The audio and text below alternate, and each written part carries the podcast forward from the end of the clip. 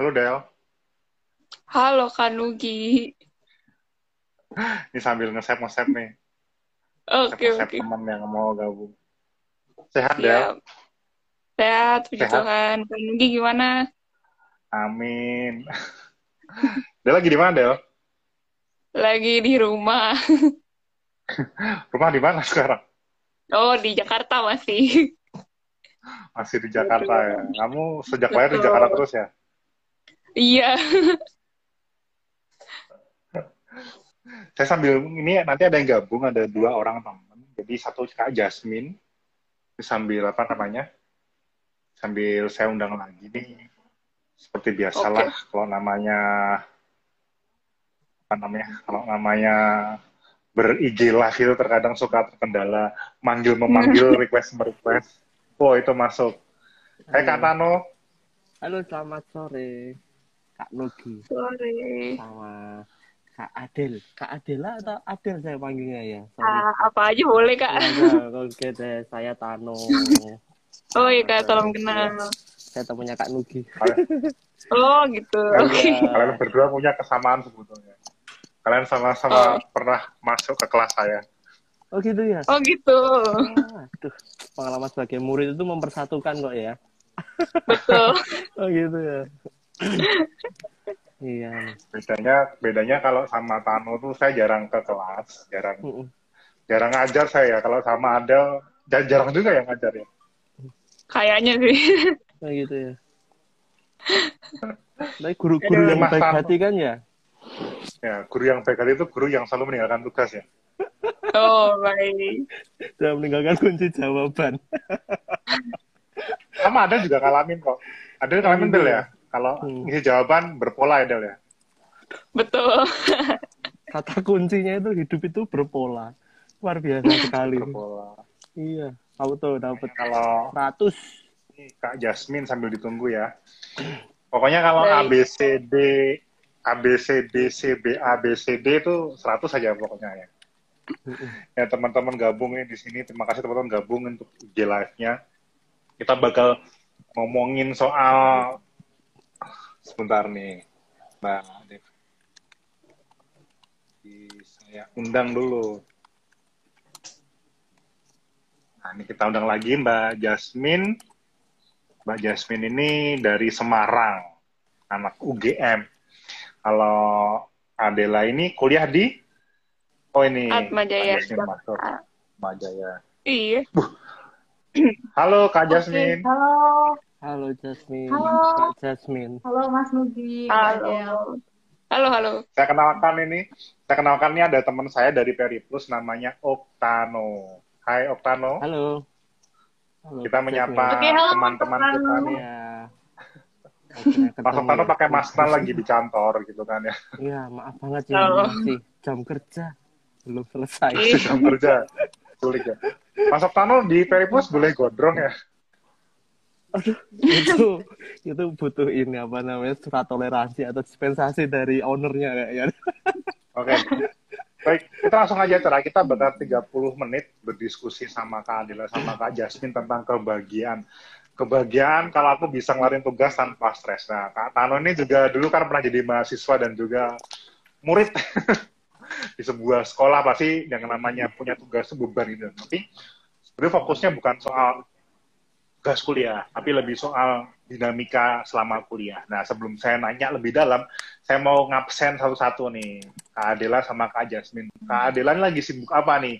Kok kemarin saya ngeliat di IG story-nya tuh lagi posting-posting sesuatu yang berbau Surabaya sama Bali nih. Lagi staycation, apa tour jo- journey, eh journey lagi.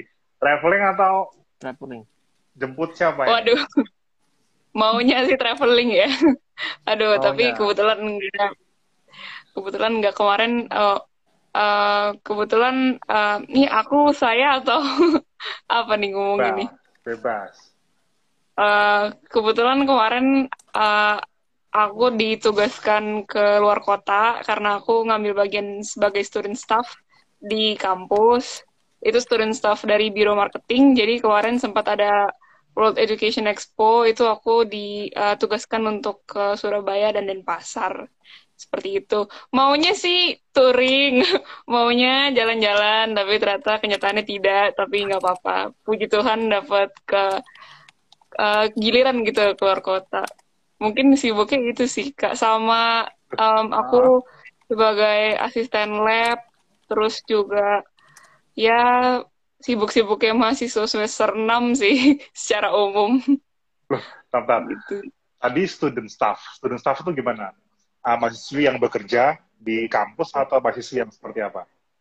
Iya betul. Jadi kita, uh, jadi kami bekerja di kampus, tergantung uh, di biro apa gitu. Kebetulan kalau aku di biro marketing, jadi uh, kita sebutnya sebagai tim prom, tim penerimaan mahasiswa baru gitu. Jadi kalau misalnya ada um, teman-teman SMA yang baru mau daftar itu biasanya kita yang bantuin pendaftaran gitu di sebelum um, berhubungan sama karyawan atmajanya langsung melalui kami juga bisa gitu. Jadi kalau misalnya ada um, permasalahan admisi atau permasalahan misalnya berkas-berkas pada saat daftar di awal itu bisa melalui kami. Seperti itu.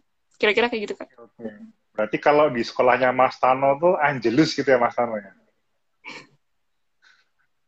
Kakak pendamping gitu ya, kakak mentor iya. gitu ya. Kakak malaikat istilahnya ya. Enggak kakak adik Terima kasih. kakak malaikat. kakak malaikat. Makasih Kak Dela sama Kak Tano. Kak Jasmine ini, ini kalau Kak Jasmine tuh kalau ngeliat IG-nya, wah penuh dengan kegiatan dan beragam acara-acara online dan offline. Online tempatnya. Sibuk apa sih Kak Jasmine sekarang?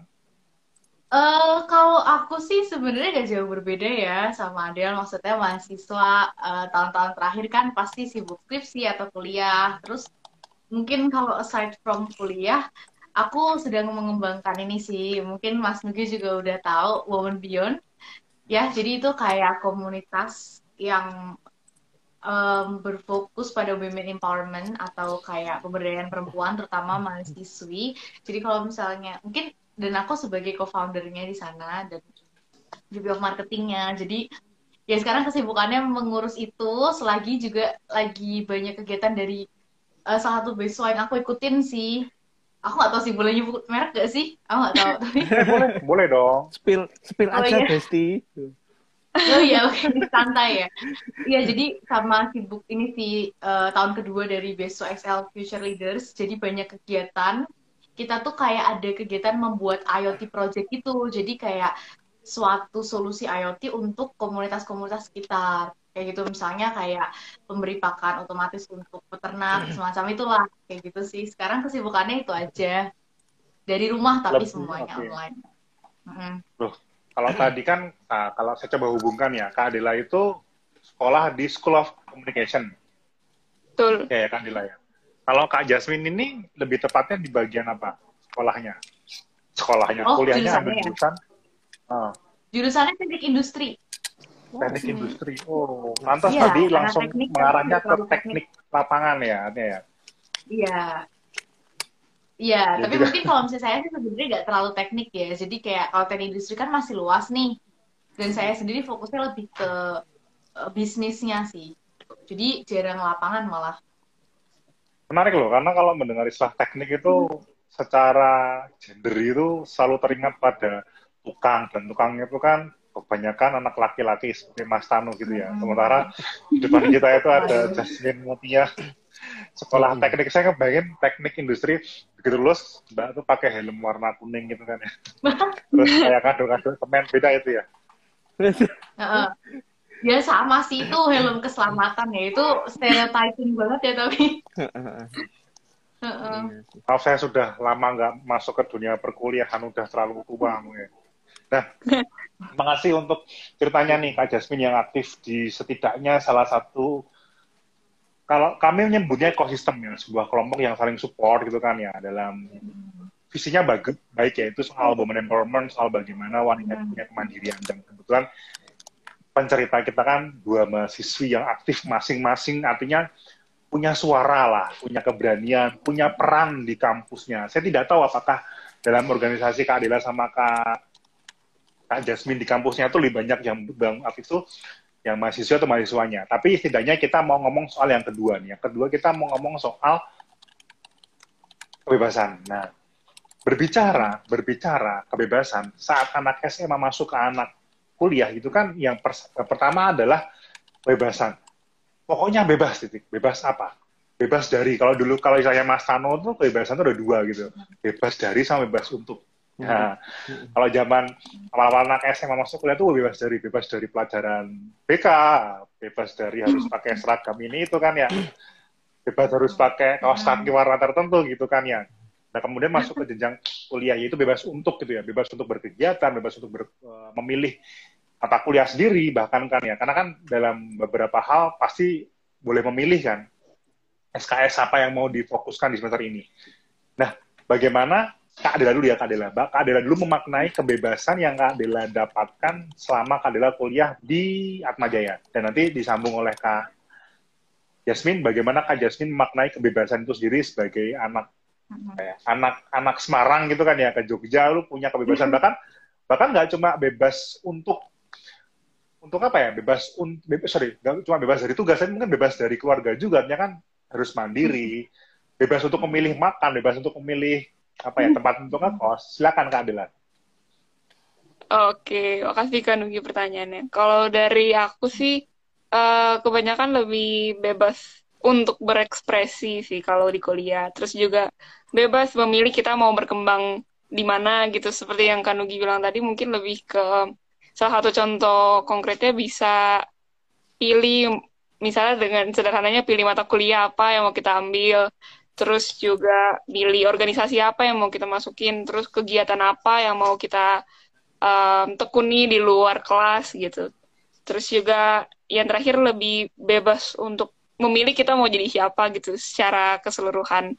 Karena kalau um, menurut aku kalau di sekolah itu terbatas ya kita nggak terlalu bisa berekspresi, nggak terlalu bisa apa ya bisa mungkin berekspresi cuma tetap kembali lagi adanya keterbatasan itu. Jadi kalau di kuliah tuh kita benar-benar wah terserah deh mau apa yang penting uh, yang penting lulus, yang penting IP masuk gitu. Yang penting itu sih kalau dari aku itu sih mungkin kan secara simpel. Oke, terima kasih Kak Adela, Kak Jasmine ini yang sudah di masa-masa akhir kuliah nih. akhir kuliah ya oke. Eh, kalau aku sih yang memaknai kebebasan itu kul- di kuliah itu mungkin lebih ke freedom of trying new things freedom of choices. Yang tadi juga sempat dimention sama Adele ya. Jadi selama aku berkuliah tuh bisa terasa banget gitu kayak aku bebas mau memilih kelasku mau ikut kelas yang mana mau ikut kegiatan seperti apa mau memanfaatkan waktuku dengan apa kayak gitu loh. Istilahnya apalagi kalau misalnya ngekos ya kalau kan case ngekos jadi kayak bener-bener low low restriction gitu atau kayak gak ada yang larang-larang gitu kan. So uh, freedom itu sangat pasti sangat dinanti-nantikan. Dan awalnya itu sangat senang gitu membahagiakan kayak wah uh, pergi ke sini atau kayak ikut kelas ini ah atau belajar ini ah kayak gitu gitu. Cuma semakin ke sini mungkin semakin yang mungkin aku point out adalah kebebasan di berkuliah itu sebenarnya juga perlu uh, memiliki batasan gitu jadi kayak kebebasannya itu juga harus kebebasan yang bertanggung jawab gitu. Di mana kayak ketika kita nyoba hal-hal yang baru itu mungkin sekarang ini lagi sering ya uh, mungkin Adel juga ngerasain kalau di organisasi-organisasi itu kan kadang ada tuh yang uh, join aja terus mungkin out atau mungkin gak bertanggung jawab ya. Jadi mungkin Betul betul. uh, kadang yang kurang dimaknai adalah bebas sih bebas aja gitu. Padahal kenyataannya ketika kita kuliah pun kita juga tetap memiliki batasan tertentu dalam makna kebebasan gitu loh. Jadi kita tetap harus bertanggung jawab dengan apa yang kita ikutin dengan apa yang kita lakukan kayak gitu sih. Karena menurutku masa kuliah itu semacam investasi untuk masa depan gitu. Ketika kita milih sesuatu yang benar, itu bisa jadi uh, fondasi untuk masa depan kita dan kita ketika kita salah juga nggak apa-apa karena masih kuliah gitu kan. Jadi ya itu sih mungkin makna kebebasan berkuliah di kuliah menurut menurut aku. Gitu. Terima kasih ya, insight-nya menarik nih. Karena kalau di, di, di, dilekatkan pada pengalaman pribadi saya dan mungkin Mas Tano, masa kuliah itu bukan investasi ya Mas Tano ya. Mas Tano mau berbagi kita dulu soal perkuliahan Mas Tano. Janganlah, saya kalau uh, itu akan berbeda banget sih dengan dengan apa namanya Adel dan Mas Tano sendiri gimana? Mas Tano kan gini gini, Mbak Mbak, Mbak Jasmine Kadila. Mas Tano ini dulu murid saya. Gak apa dibuka ya. Oh. saya, Yeah, saya yeah. dulu saya dulu sempat menjadi seorang guru, lalu Mas Tano ini murid pertama saya yang bandel gitu kan ya. Hmm. di SMA-nya Mas Tano tuh murid tuh nggak boleh bawa handphone gitu kan ya. Lalu Ya. begitu kuliah boleh bawa handphone. Sebenarnya itu Mas Tano ya. Kamu punya apa? Saat kamu masuk kuliah itu gimana Mas Tano? Kebebasan kamu maknanya seperti apa?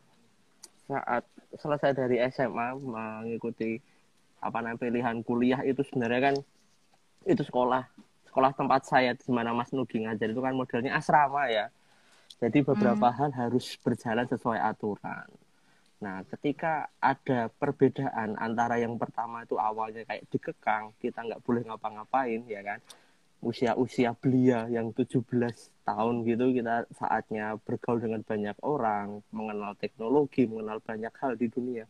Dengan kita mengalami kayak semacam dikerangkeng gitu kan, ketika ketika akhirnya keluar itu malah ya biasa aja sih, biasa saja sebenarnya biasa saja. Tidak ada hal yang menurut saya sangat membuat saya menjadi langsung bagaikan kuda keluar dari kandang gitu loh, ya kan? Kalau kuda keluar dari kandang itu seakan-akan dia sangat bebas untuk ngapain sehingga dia melupakan apa yang dia pelajari di dalam gitu kan. Untuk meng, untuk apa namanya mengerem hawa nafsu mengerem diri segala macam. Justru uh, pela- apa yang saya rasakan ketika di asrama itu justru membuat saya menjadi pribadi yang lebih uh, lebih bisa memilih ya.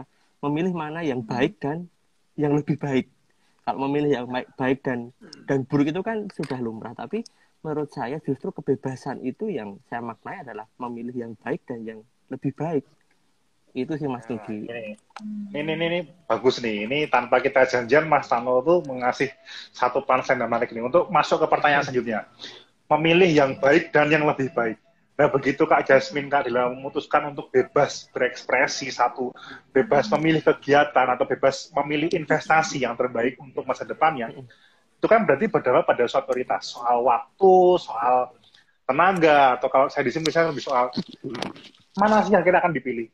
Kalau teman-teman terlalu aktif di kegiatan non akademis atau kegiatan di luar itu maka akan berdampak pada jam untuk mengerjakan tugas, jam untuk menyelesaikan kuliah dengan baik. Itu kan juga hal yang baik juga bahwa aktif di luar itu itu hal yang baik. Tapi menyelesaikan perkuliahan dengan skripsi nilai atau IP yang bagus itu juga hal yang baik juga. Jadinya ada dua tegangan nih. Memilih antara aku mau aktif, kalau aku aktif ya aku akan punya CV yang baik, aku punya LinkedIn yang bagus gitu kan ya, aku punya akan punya LinkedIn yang komplit, aku akan punya relasi, aku punya koneksi. Lalu begitu. Tapi kalau aku tidak aktif, aku hanya fokus di kuliah terus, aku hanya akan punya IPK yang bagus, aku hanya punya tugas-tugas dengan nilai A gitu kan ya. Tapi dua hal itu sama-sama baiknya sebetulnya kan. ya. Nah, Kak Adel, setelah Kak Adel baru Kak Jasmine. Gimana Kak Adel sama Kak Jasmine menemukan keseimbangan? Untuk saat ini, mana yang mana yang Kak Adel pilih gitu? Nah, ini agak susah atau lebih gampang malah ini. Silakan Kak Adel.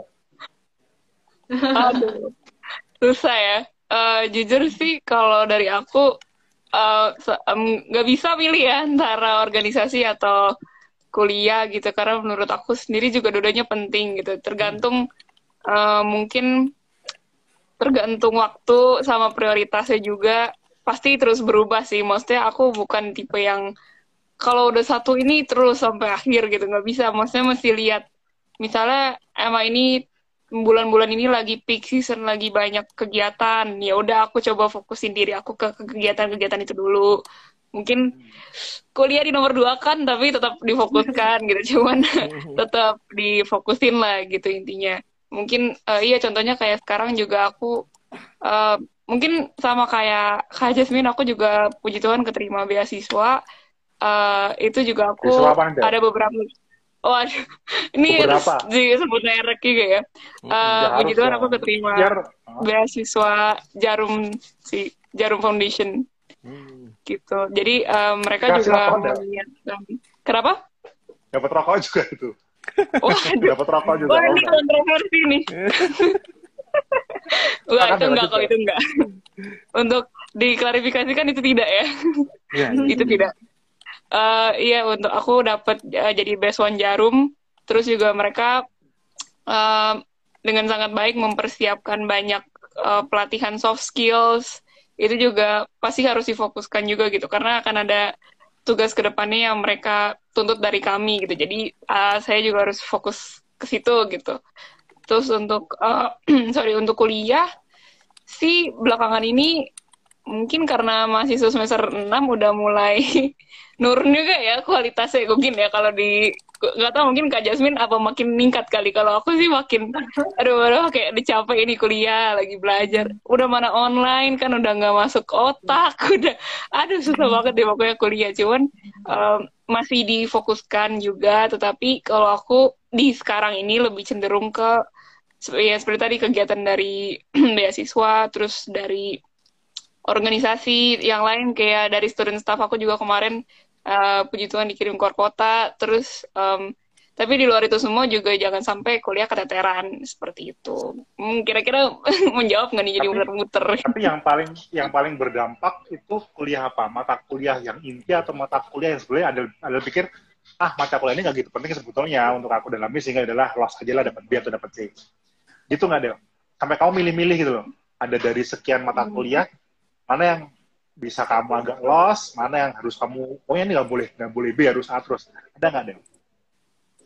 Hmm, kalau bisa semuanya A sih, cuman uh, kalau misalnya untuk penerapan di dalam kehidupan sih, karena aku belajar komunikasi, itu um, emang dia banyak sekali yang mencontoh dari kehidupan kehidupan kita biasanya gitu. Misalnya kayak contohnya mata kuliah komunikasi antar pribadi itu aku jadi belajar misalnya gimana cara menghadapi konflik dengan orang gimana caranya menjauhi orang itu misalnya emang udah nggak bisa dibenerin nih konfliknya ya udah kita menjauh. Kapan kita bisa mendekat kapan kita bisa menjauh? Gimana caranya mendengarkan dengan baik? Gimana caranya uh, mungkin di luar komunikasi antar pribadi gimana caranya mewawancara dengan baik? Menurut aku itu kayak um, apa ya basic life skills yang emang harusnya um, mungkin semua orang tahu gitu mungkin dunia ini akan menjadi lebih baik gitu kalau misalnya kita bisa mendengarkan satu sama lain dengan baik gimana bisa uh, berkomunikasi dengan baik gitu. Mungkin karena um, di luar hal-hal praktis ya menurut aku itu salah satu mata kuliah yang cukup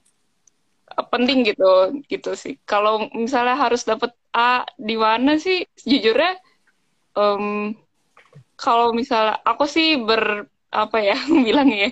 Ini ntar jangan dicontoh ya tapi ya. kalau aku kadang apa -apa, uh, kalau aku udah suka mata kuliahnya pasti aku akan usahain gitu. Cuman kalau misalnya aduh udah pasrah banget ini udah nggak cocok satu udah nggak cocok mata kuliahnya udah dua misalnya dosennya nggak cocok itu udah sangat mendukung jadi ya nggak dapet A nggak apa-apa lah gitu jadi apa ya lebih ke self love sih maksudnya Asik. jangan terlalu keras juga sama diri sendiri gitu. Kalau misalnya emang kita udah berusaha semaksimal mungkin tapi ternyata oh ternyata dapat B ternyata dapat misalnya uh, B min lah amin gitu ya udah nggak apa-apa. Yang penting udah berusaha sebaik mungkin. Gitu sih kak kayaknya. Yang penting jawab nggak stres ya. Yang penting nggak stres ya. Iya tapi sebenarnya stres itu ya. Iya bener sih. Sebenarnya stres tuh baik sih kalau menurut aku ya karena aku merasa kalau buat aku pribadi kalau misalnya aku nggak stres terus kayak aku uh, mengentengkan suatu hal gitu. Jadi lebih baik aku ada stres aku berarti aku respect sama hal itu gitu. Kalau misalnya aku nggak stres aku lebih ke ah ya udahlah gitu kan. Berarti kan sangat mengentengkan gitu. Sedangkan kuliah kan sangat mahal ya. Kebetulan nih kerasa di kuliah kerasa mahal gitu kan. Jadi maksudnya um, kalau kita bisa kalau stres ya itu pasti ada sih soalnya kalau nggak stres berarti ya kita nggak belajar apa-apa gitu kalau menurut aku sih. Nah menarik ini. Saya kan lari ke Kak Jasmine ya saya. Tapi sebelum Kak Jasmine jawab ya, jadi Kak Jasmine tuh hari ini cerita bahwa dia tuh agak sedikit kurang enak badannya. Kayak tadi sempat cerita karena banyak iya. begadang. Artinya, uh banyak iya. begadang kak ya. Berarti begadang untuk apa kan? Bayangan saya begadang untuk berkegiatan kampus atau menjalankan yeah. tugas. Nah, menyambung dari tadi pertanyaan soal soal apa namanya memilih memilih mana yang baik dan lebih baik. Nah, coba Kak Jasmine ceritakan kepada kami. Sampai Kak Jasmine begadang-begadang itu, begadang itu karena memilih, memilih yang lebih baik itu ya. Silakan Kak Jasmine. Hmm, itu menarik sih. Tadi kalau misalnya pilihannya kan antara uh, kuliah sama organisasi atau kayak kegiatan luar kuliah kan, ya kan. Nah, aku jawabannya tuh uh, hampir sama gitu sama Adele bahwa menurutku kita tuh bisa achieve both gitu loh jadi aku sangat tidak setuju dengan konsep di mana orang yang kuliah uh, kuliah banyak kegiatan misalnya dia ikut BEM atau dia ikut organisasi di luar itu pasti kuliahnya keteteran lah. Kan biasanya gitu ya. Hmm. itu saya sangat gak setuju sih. Karena menurut saya dua itu bisa jalan balance gitu. Tergantung prioritas kita aja. Sesuai kayak misalnya nih ini minggu kuliah mesti minggu uas gitu. Ya udahlah kita prioritasin sekolah. Terus misalnya eh, organisasi kita lagi menuntut sesuatu dan ketika itu kuliahnya lagi slow misalnya ya ya udah kita berarti luangin lebih banyak energi ke ke organisasi. Tapi to be honest aja ya gak glorifying that hustle culture tapi menurut saya tetap ada yang dikorbanin sih kalau kita mau ambil Hmm. dua-duanya ya. Itu pasti mungkin waktu tidur mungkin waktu main gitu kan. Kalau kuliah kan pasti pengennya main pengen tidur ya. Jadi ya I think choosing both itu bisa memilih dua-duanya itu bisa. Cuma pasti tetap ada yang kita korbankan. Dan yang menurut saya paling penting adalah support system sih nantinya nih ya mungkin buat teman-teman jadi kayak kalau misalnya namanya kita aktif organisasi kan kadang kita adalah saat di mana kita join kelas tapi kita nggak nggak mendengarkan gitu atau kayak nggak paham gitu. Nah itu di situlah pentingnya teman gitu untuk ngajarin kita, untuk uh, bantuin kita kalau misalnya tugas, kira-kira apa sih yang uh, harus dikerjakan kayak gitu loh. Jadi uh, dua-duanya bisa berjalan asal kita uh, percaya, berusaha dan punya support system yang cocok sih menurut saya kayak gitu sih kak. Nah, Setuju. Tapi kalau kita masuk ke ranah yang lebih praktis ya Kak Jasmine ya. Itu nah, Kak Jasmine ngalamin yang Kak Dela nggak? Sampai memilih-milih mata kuliah tertentu yang udahlah yang ini nggak gitu penting buat ke depannya aku nanti karena aku mau bekerja di dunia ini sehingga yang mata kuliah Ah. ini ini ini ini cukuplah segini aja. Sampai saya gitu nggak Kak? Sampai segitunya Eh, nggak?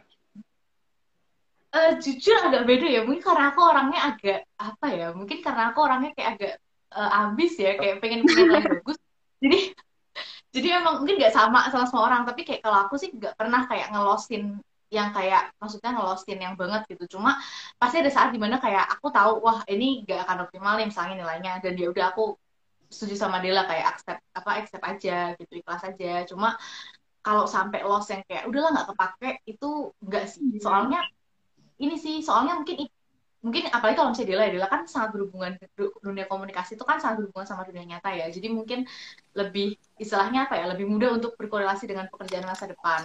Cuma kan kalau kan mungkin teknik industri itu ada mata kuliah yang beda banget sama apa yang aku sukain kan. Tapi kalau misalnya dari aku sih tetap aku jalanin dengan seneng sih. Soalnya buat IP juga sih IP kan juga lumayan penting ya kalau nyari kerja kan. Setuju kan nyari beasiswa juga kan nih jarum kan susah Iya, nih iya. masuknya kan. IP-nya pasti tinggi dong Bener-bener. jadi ya eh, nggak sampai yang kayak ngelosin tapi kalaupun emang nggak maksimal ya terima aja gitu loh mas realistis gitu Asik. Kalau kalau soal IP pasti yang paling nggak setuju Mas Tano nih Mas. Tapi sebelum ke Mas Tano ya, Kak Jasmine, Kak Jasmine. Tuh penasaran, kenapa kenapa Kak Jasmine sendiri ya? Karena mungkin saya generasi milenial awal ya, generasi agak mendekati Oh, iya. generasi X ya. Masih agak old Ah. school kan pikirannya. Bagi saya begini, hanya orang, hanya wanita terpilih lah yang masuk ke fakultas-fakultas di mana di situ banyak para pria-pria STM gitu kan ya. Atau sorry, teknik gitu kan ya. Nah, Saya penasaran, kenapa Kak Jasmine dari generasi apa? Generasi Y ya Kak Jasmine ya? Atau Z ya? Ke generasi masih milenial akhir itu, sih ya du- masih kamu ya. ya itu 2000 ya? 2000 2000-an kan ya? 2000 2000 berarti 2000. generasi ya berarti generasi Z lah ya, saya sebutnya gitu ya. Iya, Z. Ah. Z, generasi digital native. Nah, untuk Kak Jasmine, kenapa memilih mata kuliah teknik industri, sementara banyak orang mungkin di generasi itu lebih memilih untuk apa ya, mungkin IT, komunikasi kayak Dela. Kak Jasmine. Oke, itu interesting question banget sih. Dan mungkin sedikit informasi dulu ya untuk mungkin teman-teman yang sini sama Mas Nugi sama Mas Sam mungkin bahwa eh, kalau teknik industri itu emang sekarang trennya itu 50-50 perempuan sih. Jadi emang banyak perempuannya. Mungkin karena emang pekerjaannya itu cukup luas ya. Jadi lulusannya tuh nggak mesti harus lapangan kayak gitu. Nah, eh, itu tadi ya. Jadi terus habis itu kenapa sih kalau aku pilih teknik industri? Sebenarnya simple sih. Karena aku dulu anak IPA kan. Nah, kebetulan aku tuh pinternya di bidang STEM atau kayak ya hitung-hitungan gitu Ya, kan, science, teknologi, engineering sama math ya. Uh, math. Uh, nah, tapi at the same time aku juga suka bisnis gitu. Aku juga suka social apa communication. Maksudnya gak suka lah yang kayak di belakang meja banget gitu loh mas. Nah akhirnya waktu nemuin jurusan teknik industri ini di sinilah aku kayak oke okay, ini jurusannya masih general. Ketika kita masuk sini kita masih bisa lagi memilih uh, penempatan atau kayak konsentrasi yang mau kita ambil gitu loh mas nanti. Jadi aku merasa waktu itu kayak menunda pilihanku sampai sekarang gitu loh istilahnya kayak gitu. Nah terus juga dulu sempet sih diomongin ya pasti sama keluarga kayak kamu keluarga keluarga aku nggak ada yang teknik tuh sebelumnya. Biasanya sosum jadi pasti kayak kamu yakin mau teknik? Tapi kan emangnya bisa kayak maksudnya pasti ada pertanyaan keraguan kayak gitulah ya. Cuma menurutku mungkin semakin kesan ke sini uh, justru semakin banyak kemudahan untuk perempuan masuk ke dunia STEM sih karena uh, banyak company-company juga yang sekarang kayak membuat suatu kebijakan kayak harus ada perempuan misalnya ya sih kayak di timnya misalnya tim engineering pun jadi perempuan kayak gitu. jadi menurutku aku masuk teknik industri karena emang aku suka bisnis dan suka generalisasinya dan potensinya cukup besar di masa depan kayak gitu sih mas Oke okay, oke, okay. insightnya bagus malah baru tahu saya di dunia teknik sekarang ya ya, ya inilah generasi saya yang kemudian kalau STEM itu yeah. selalu berhubungan dengan gender yang maskulin. Nah, maskulin. kita masuk bagian terakhir nih dari cerita. Artinya artinya kita sudah bisa menemukan titik tengahnya. Titik tengah bagaimana Kak Adel sama Kak Jasmine menghidupi pilihannya masing-masing dengan tidak berat sebelah bahwa ya memilih yang baik dan lebih baik itu bukan soal yang baik itu organisasi, yang lebih baik itu kuliah, tapi bagaimana memilih dua-duanya bisa berjalan bersamaan. Terus setidaknya itu yang saya tangkap ya. Nah, saya nanti mau tanya soal closing statement. Closing statement Kak Adela sama Kak Jasmine soal soal kemandirian ya. Kita ngomong soal ya bebas nanti soal kemandirian sebagai perempuan, alasan kenapa berburu beasiswa, alasan kenapa aktif organisasi itu kan pasti punya quote-quote ya motivasi motivasi lah. Kenapa aku hmm. aktif? Kenapa aku terlibat di sini? Nah tapi sambil hmm. berpikir closing statementnya nah, soal itu soal kebebasan soal keberanian ekspresi itu saya akan ngobrol sama Mas Tano ya. Jadi saya ngobrol sama Mas Tano Kandila sama Kak Jasmine bisa mulai merancang kata-kata nih untuk closing statement. Nah hmm. Mas Tano gini mungkin kata-kata IP itu untuk orang-orang seperti kita tidak tidak berdampak ya Mas ya Mas Tano ya. Karena karena apa ya mencari pekerjaan itu mungkin begitu karena saya karena kalian berdua. Kebetulan adalah apa ya kita saya saya mau bilang laki-laki tapi takutnya bias gender gitu loh. Bukan hal biasa tapi terkadang di di kepala di kepala saya itu yang yang penting itu adalah koneksi gitu loh relasi. Yang penting kamu kenal sama si pemilik perusahaan ini kamu kenal sama manajer di kantor ini gitu itu terkadang yang membuat membuat membuat jaring laba-laba pekerjaan tuh kayak gitu loh Nah, Mas Tano sendiri memaknai hal itu nggak? Untuk mencari ya. pekerjaan butuh IP nggak, Mas Tano? IP dibutuhkan, tapi yang paling penting itu ya relasi orang dalam. nggak, nggak itu jokes jokes aja sih. Tapi memang memang benar gini mas. Uh, ah, IP kan angka ya. Bagaimana mencari angka itu menurut saya yang harus di uh, dilihat lebih dalam lagi bagaimana kita berproses untuk mencapai IP-nya, bukan angkanya saja itu. Kalau aku cari nilai A, B, C, D itu oke okay, bisa nilai A semua bisa. Cuman bagaimana kamu berproses di situ satu nilai soal kejujuran, kamu bagaimana mengerjakan tugas itu murni dari kamu atau enggak kan kan kalau di mahasiswa itu kan sangat dinilai kan apa plagiarismenya ya nggak sih ya kan itu ya. lalu juga uh, bagaimana kamu belajar, apakah kamu serius belajar atau enggak. Lalu yang terakhir juga pastinya uh, bagaimana kamu berproses ketika di kelas gitu loh. Kadang-kala kan ada juga tuh ada orang yang uh, mungkin dia itu memang udah cerdas bawaan lahir gitu loh. Ketika dia di kelas hanya hanya tidur, hanya diam, tapi ketika ujian dapatnya A, sedangkan saya sendiri yang yang dari lahir juga nggak cerdas-cerdas amat tapi juga nggak bodoh-bodoh amat berjuang setengah mati dapetnya juga cuma B gitu kan. Rasanya nyesek gitu loh. Gimana kita udah berjuang tapi nilai pun juga bertepuk sebelah tangan tuh kan. Sakit banget ya sih? Itu yang yang pertama. Lalu soal soal IP tadi. Kalau Mas Nugi tadi mengatakan bahwa Mas Nugi itu generasi old school ya apa milenial awal gitu ya.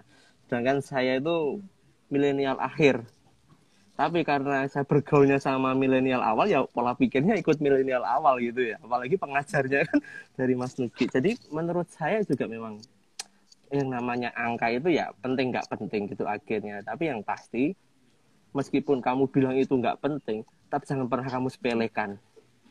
Intinya Hmm. itu. Karena ketika kamu menyepelekan itu ya udah buyar semua rencana-rencana hidupmu juga akan berubah nah maka kalau ada perubahan ya kamu harus bersiap dengan perubahan itu bisa menerima atau enggak itu sih kalau Ini sharing- dari Sharing dari saya yang sudah sudah bekerja nih ya.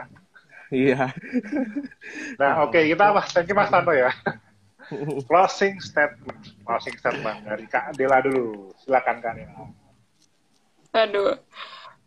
Apa ya? Ini juga aku sebenarnya udah sempet list beberapa tips sih. Tadi kayak ada kasih aja apa jangan? Kasih tips dong. kayak aku udah orang sukses aja ya, tapi nggak kok ini cuma berdasarkan aku aja gitu. Kalau tips, kalau aku sekarang aku banyak belajar kalau kita tuh mesti mengenal diri sendiri. Ini emang agak cheesy tapi it really matters kita tahu diri kita atau enggak gitu. Kita mau mungkin untuk khususnya untuk teman-teman yang baru mau cari misalnya mau cari jurusan, mau cari universitas di mana, itu tuh penting banget kalau kita nggak tahu diri kita tuh nanti nggak cocok gitu ke depannya. Karena kuliah tuh nggak kayak SMA sama sekali nggak kayak SMA itu udah kalian misalnya misalnya kayak Kak Jasmine Kak Jasmine pilih teknik industri ya udah dari semester 1 sampai semester 7 ya Kak selesainya ya. Semester 7 ya Iya. udah belajar teknik industri aja gitu. Jadi nggak kayak SMA kita ganti-ganti gitu nggak tapi itu sangat spesifik gitu jadi alangkah baiknya kita mengenal diri kita lebih baik gitu mengenal juga nilai-nilai apa yang kita terapkan, nilai-nilai apa yang kita hindari gitu. Terus juga eh, selama hal yang kita fokuskan itu baik untuk kita sendiri dan tidak merugikan orang lain, kejar aja terus. Hmm. Jangan berhenti gitu. Terus. Asik, keren. Abis ini dibikinin buku nggak sama Very Plus nih? Nggak ya? bisa banget bisa Boleh bisa. Bisa. Dibikin konten aja. diatur ya abis ini ya. Aduh, Yang terus juga itu oke. Terus ada kesempatan nih, misalnya ada kesempatan diambil aja selama itu sesuai dengan traits atau values kalian juga sesuai sama apa yang bisa kita lakukan ke- kemampuan kita gitu.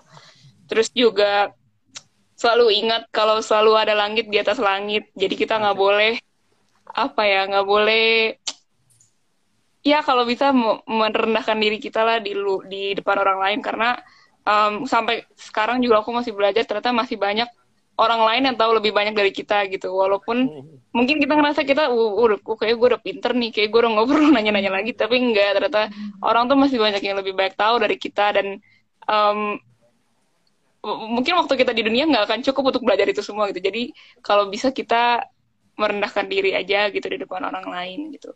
Terus juga mungkin um, kalau boleh mengutip dari apa ya dari salah satu buku yang aku lumayan ngefans berat itu dari Mark Manson uh, satu Art of Not Giving Up itu. Yes. Eh, nanti nge-curse gak baik nih terus dari buku itu aku belajar kalau kita tuh bisa loh milih kita tuh mau peduli sama apa gitu. Kalau kata-katanya Manson tuh we can choose what we want to give a fuck about gitu. Jadi nggak semuanya harus kita peduliin, nggak semuanya harus kita nggak pedulin juga gitu. Jadi semakin kita belajar, semakin berkembang tuh kita milih-milih lah yang mana yang akan kita give fuck gitu. Intinya seperti itu. Kalau kayak itu sih kak ya kira-kira kalau dari itu aku. sekaligus jadi closing statement juga. Kalau closing statement em, apa ya? Ya gitu deh, gitu deh. Langsung gak dipercaya, langsung Eh, langsung gak eh, kredibel. eh, Sebelum sebelum saya terakhir ke Jasmine ya. Nah, Adela kenapa milih buku Mark Manson? Wah, jujur itu karena salah satu uh, bukunya ada cuma lagi dipinjam orang jadi lagi nggak ada di sini. Um, kamu itu salah Tahu nggak satu. buku itu diterjemahin? Tahu nggak buku itu Oh, diterjemahin? tak, iya, tahu kak. Kenapa tuh? Terus terus. Nggak, kenapa suka Oh. buku itu?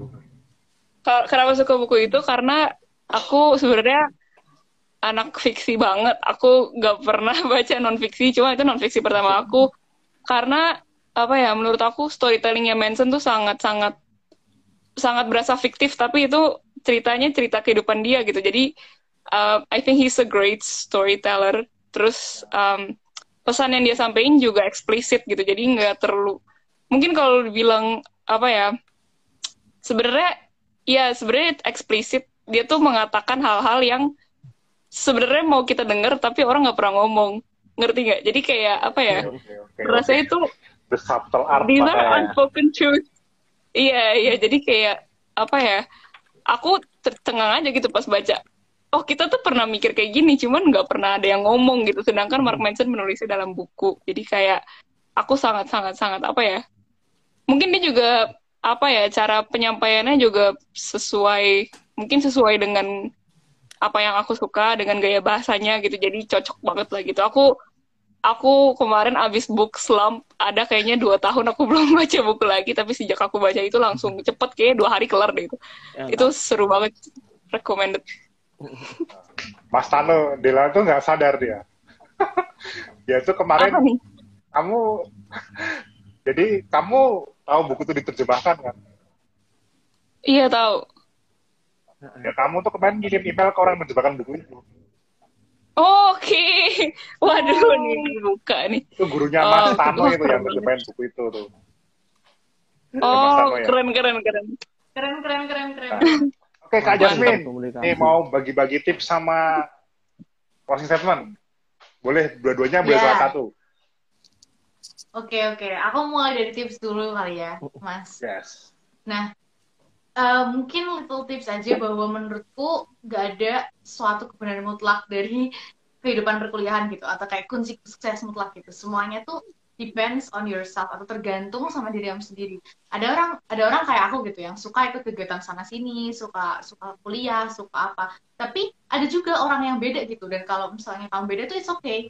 Ngerti gak sih? Jadi kayak ja- bukan karena kamu misalnya nilai misalnya nih teman-teman yang nonton di sini IP-nya kurang bagus tapi teman-teman suka berorganisasi misalnya. Ya nggak apa-apa mungkin emang itu passion calling kalian gitu misalnya kayak gitu. Atau misalnya ada temanku juga yang dia eh, sekolah biasa aja organisasi biasa aja tapi eh, dia suka entrepreneur dia suka jualan gitu. Atau dia suka eh, ngepost-post eh, sosial media kayak TikTok jadi, jadi influencer gitu lah.